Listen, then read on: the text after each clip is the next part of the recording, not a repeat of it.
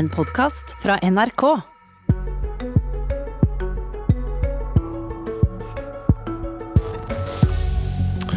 Hurdalssjøen blinker i det fjerne.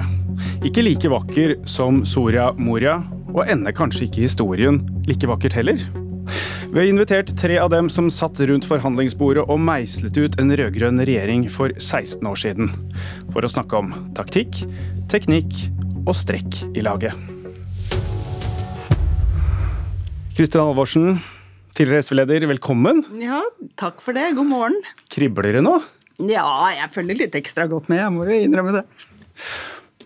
Det er en kjent sak at da dere for 16 år siden du satte deg ned ved forhandlingsbordet, så kom du med en ganske stor rull med krav under armen.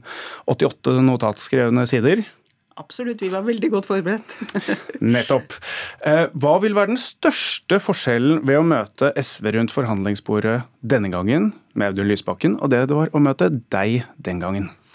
Eh, han har jo veldig mye mer erfaring nå eh, i å forhandle, i å prioritere. Han har forberedt seg godt. Han har diskutert det i alle partiorganer. De er spissere i de kravene de skal ha på plass. Og så, så, han er godt forberedt, men det er klart det er vanskelige saker her. Litt færre enn sist, fordi at det er Altså det er jo en del utenrikspolitiske saker som vi strevde med sist, Afghanistan, Irak osv., som nå ikke er like aktuelle. Men klimapolitikken kommer nok til å være en stor utfordring. Har du gitt han råd?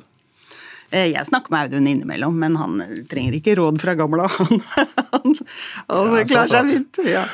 Um, en, en, 18 år gammel Audun Lysbakken han satt jo i den referansegruppa den gangen du forhandla.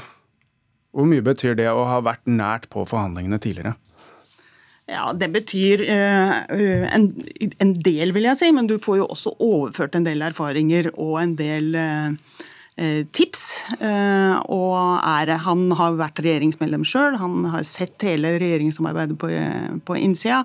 Han vet hvor viktig det er å ha noen ting ganske konkret i en regjeringserklæring, mens man kan være litt mer omtrentlig på andre områder. Vi skal koste på oss et uh, lite kutt fra du, da dere hadde sittet ett år i regjering og skulle oppsummere litt av hvordan det hadde vært med Soria Moria-forhandlingene og livet etterpå. Det er jo samarbeidet mellom eh, hva skal si, Arbeiderpartiets industritradisjon og det der med at de blir våte i øya svære rør, digre kolonner, store renseanlegg, ikke sant? så er det Senterpartiets hva skal si, jordnære gründervirksomhet. Og så er det vår stahet på miljø. Er det der dere står igjen nå? ja, men det er veldig viktig å, kjenne de andre partienes kultur og prioriteringer også. Hvis man skal klare å komme fram til en god regjeringsplattform. Og skjønne på en måte hva slags eh, bakland de har å, ta hensyn til, og hva de ønsker å oppnå i politikken. Vi skal ta med en av de som satt på andre siden av forhandlingsbordet. Magnhild Meltveit Kleppa. Ehm, din nestleder Øystein Djupdal Halvorsen, han omtalte de tre damene fra Senterpartiet den gangen som sure i forhandlingene av taktikk. Og du er da en av de sure damene, Kleppa. Velkommen. Takk for det. Funka det, syns du? Ja, det gjorde jo det. Altså, jeg må jo si, det er en det, der er jo et stort alvor over regjeringsforhandlingene. Det er mye tillit, det er store forventninger. Um, så, så, så, er det jo slik at uh, til vanlig så har vi jo med oss et uh, godt humør, og det løser opp og hjelper i mange situasjoner. I dette tilfellet så visste vi jo at uh, vi måtte være Vi bestemte oss for det. Vi måtte være alvorlige. Vi måtte være bestemte. Og når vi er alvorlige og bestemte over lang tid, Aslaug, Åslaug og Marit og meg, så er det klart da blir vi oppfatta som sure. Marit Arnstad hun er med nå også. Um, tror du det blir samme taktikk? Nei, det er nok Marit den beste til å svare på. Og for så vidt, taktikken er jo avslørte. Så det funker ikke nå. Men eh, den, eh, det er andre ting som har endret seg. Altså Den gangen så hadde dere 6,5 av stemmene. Arbeiderpartiet hadde 32,7. Eh, nå eh, har dere 13,5% mot Arbeiderpartiets 26,3. Hvordan, hvordan vil Lysbakken og Støre merke det, Kleppa? At det har blitt et større Senterparti? Ja, det er jo, det er jo et enda mer eh, stødig og standhaftig Senterparti. Men jeg synes å huske at når vi satt rundt dette bordet og visste at vi var tre, visste at vi måtte være tre for å få til flertall, og vi svært gjerne ville få til flertall, eh, så gikk vi inn som likeverdige. Vi oppførte oss som om vi hadde like mange prosenter, like mange velgere i ryggen med som de andre. Med den største frimodighet. Det er ikke akkurat den retorikken kanskje de fleste av oss har hørt når de har hørt Trygve Slagsvold Vedum eh, snakke om SV i valgkampen. men Betyr det den skepsisen som er uttalt mot, mot, å sitte i regjering med SV gjennom valgkampen, hvor, hvor dypt stikker den, mener du? Det, det, vet jo ikke jeg fullt ut. Det vil jo bli åpenbart nå etter hvert. Jeg har merka meg at det er en mer avmålte tone. Og jeg har merka meg at det er ikke den, den, samme bestemte viljen til å få til ei flertallsregjering. Det er jo dette ordet 'basert' da, som har blitt tolka. Eh, og, og så er det nok slik at de har Altså, her er erfaringer. Her er erfaringer med forhandlinger, ja, men her er òg erfaring med uløste punkt. Som faktisk ligger der og er uløste fremdeles. Helt ifra Soria Moria, og først gjennom åtte år, og så gjennom åtte år til. Og der de nå vet at de må finne løsning, og så har det dukket opp noen andre viktige tema, i tillegg som blir krevende. Ja, for Det er et par, par, problemsaker. og Hvis vi går løs på noe som du har uttalt deg om veldig nylig, Kristin Halvorsen, til oss eh, på, på nrk.no. Dyre bensin og diesel, det må man regne med. Det er jo et veldig effektivt virkemiddel å gjøre det man skal ha mindre av uh, dyrere, og det man skal ha mer av uh, billigere. Men jeg tror jo at den store oppgaven som denne regjeringa skal ha i de neste fire år, uansett hvem som sitter der, det er å få fart på det grønne uh, skiftet. Men, men, mener du at Senterpartiet må godta at man skal ha en opptrapping av diesel- og bensinprisen, altså gjennom CO2-avgifter? Jo, men det I den perioden? Er, helt, er, det, er, det, noe det de, mens kamel de må svelge? Ja, men Det som er så veldig veldig rart, det er at man ikke har fått et helt annet grep på hvordan man kan introdusere nullutslippsbiler i distriktene. For de er faktisk veldig velegna eh, i distriktene. Og de som bor der, burde ha del av elbilsubsidiene, de også.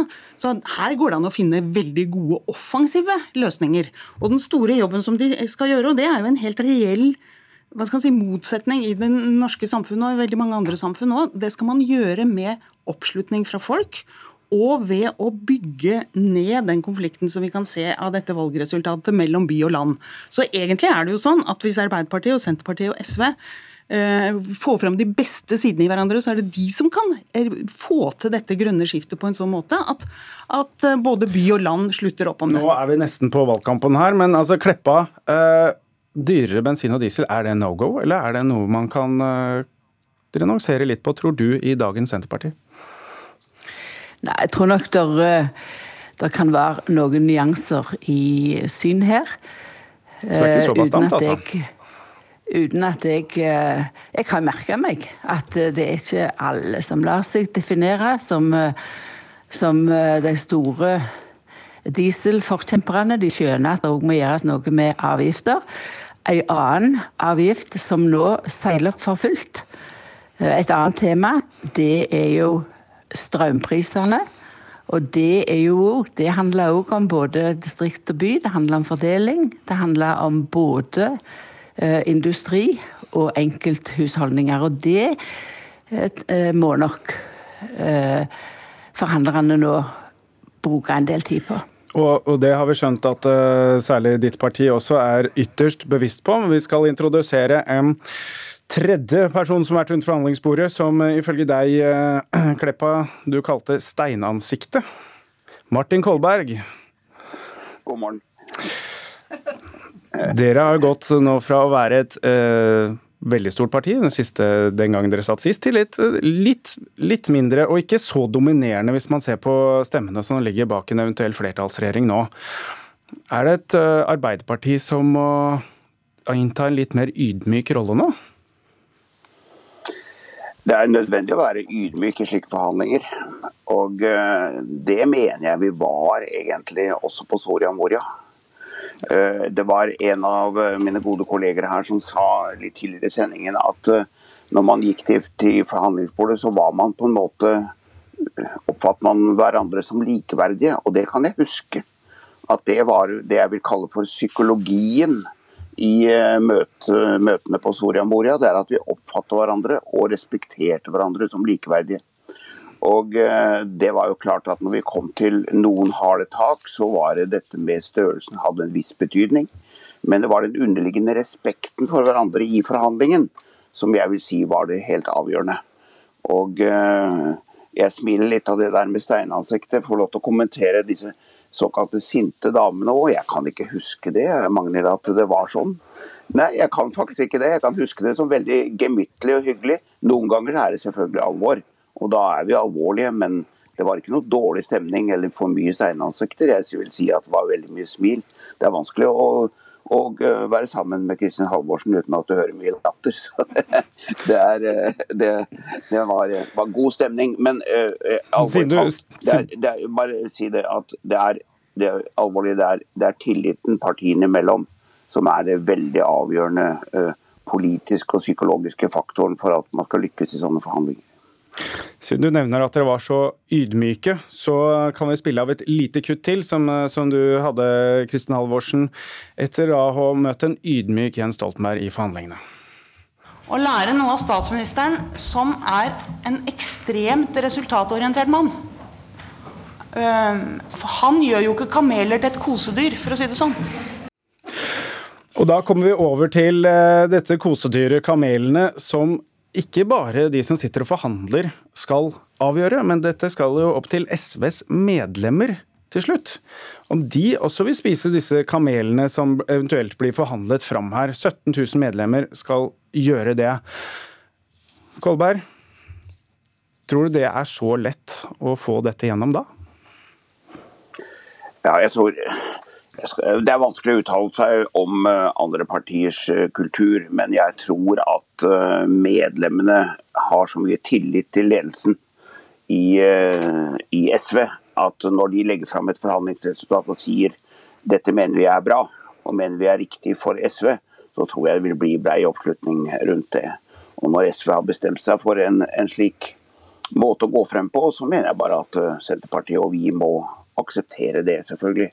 Og det tror jeg heller ikke blir noe tema, egentlig, når vi kommer så langt. Så så vi at eh, TV 2 hadde en erfaringssak om at uh, det er et krav fra Senterpartiet om å droppe uravstemning. Har du noe tro på det, Kolberg? Ja, er, jeg vil ikke kommentere sånne såpass konkrete ting. Og jeg har ingen kunnskap faktisk om hva som er realiteten i akkurat det utsagnet. Jeg for min del mener vel at uh, når SV har bestemt seg for å legge dette løpet, så kan ikke det stå i veien for noe som helst. Og jeg tror at medlemmene vil ha så mye tillit, som sagt, til et forhandlingsresultat som Lysbakken stiller seg bak, at eh, jeg tror ikke dette blir noe, noe, noe stort problem.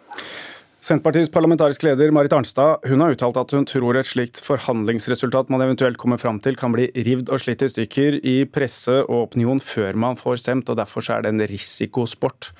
Tenker du om den analysen, Kleppa? Ja, Jeg eh, kan ikke gå så mye inn i det, men det som jeg vil si, det er at eh, vi forankrer jo alle sammen. Det gjorde vi òg sist gang. Vi forankra i både sentralstyret, landsstyret og stortingsgruppa. Og jeg var nyvalgt leder, parlamentarisk leder for gruppa, og jeg var veldig glad for alt vi hadde forankra. Nettopp fordi det da var enklere å håndtere etterpå. Og samtidig så ser jeg jo òg nå at der vi ikke var nøye nok med å skrive hva vi mente, der fikk vi òg trøbbel etterpå.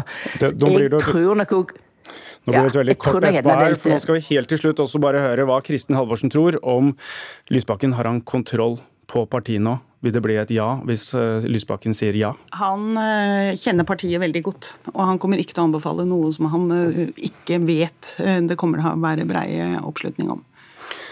Tusen takk. Kristin Halvorsen, Martin Kolberg og Kleppa. Eh, dette var Politisk kvarter klokka ti. Så begynner disse sonderingene som det er nå. Mitt navn er Trond Lydersen.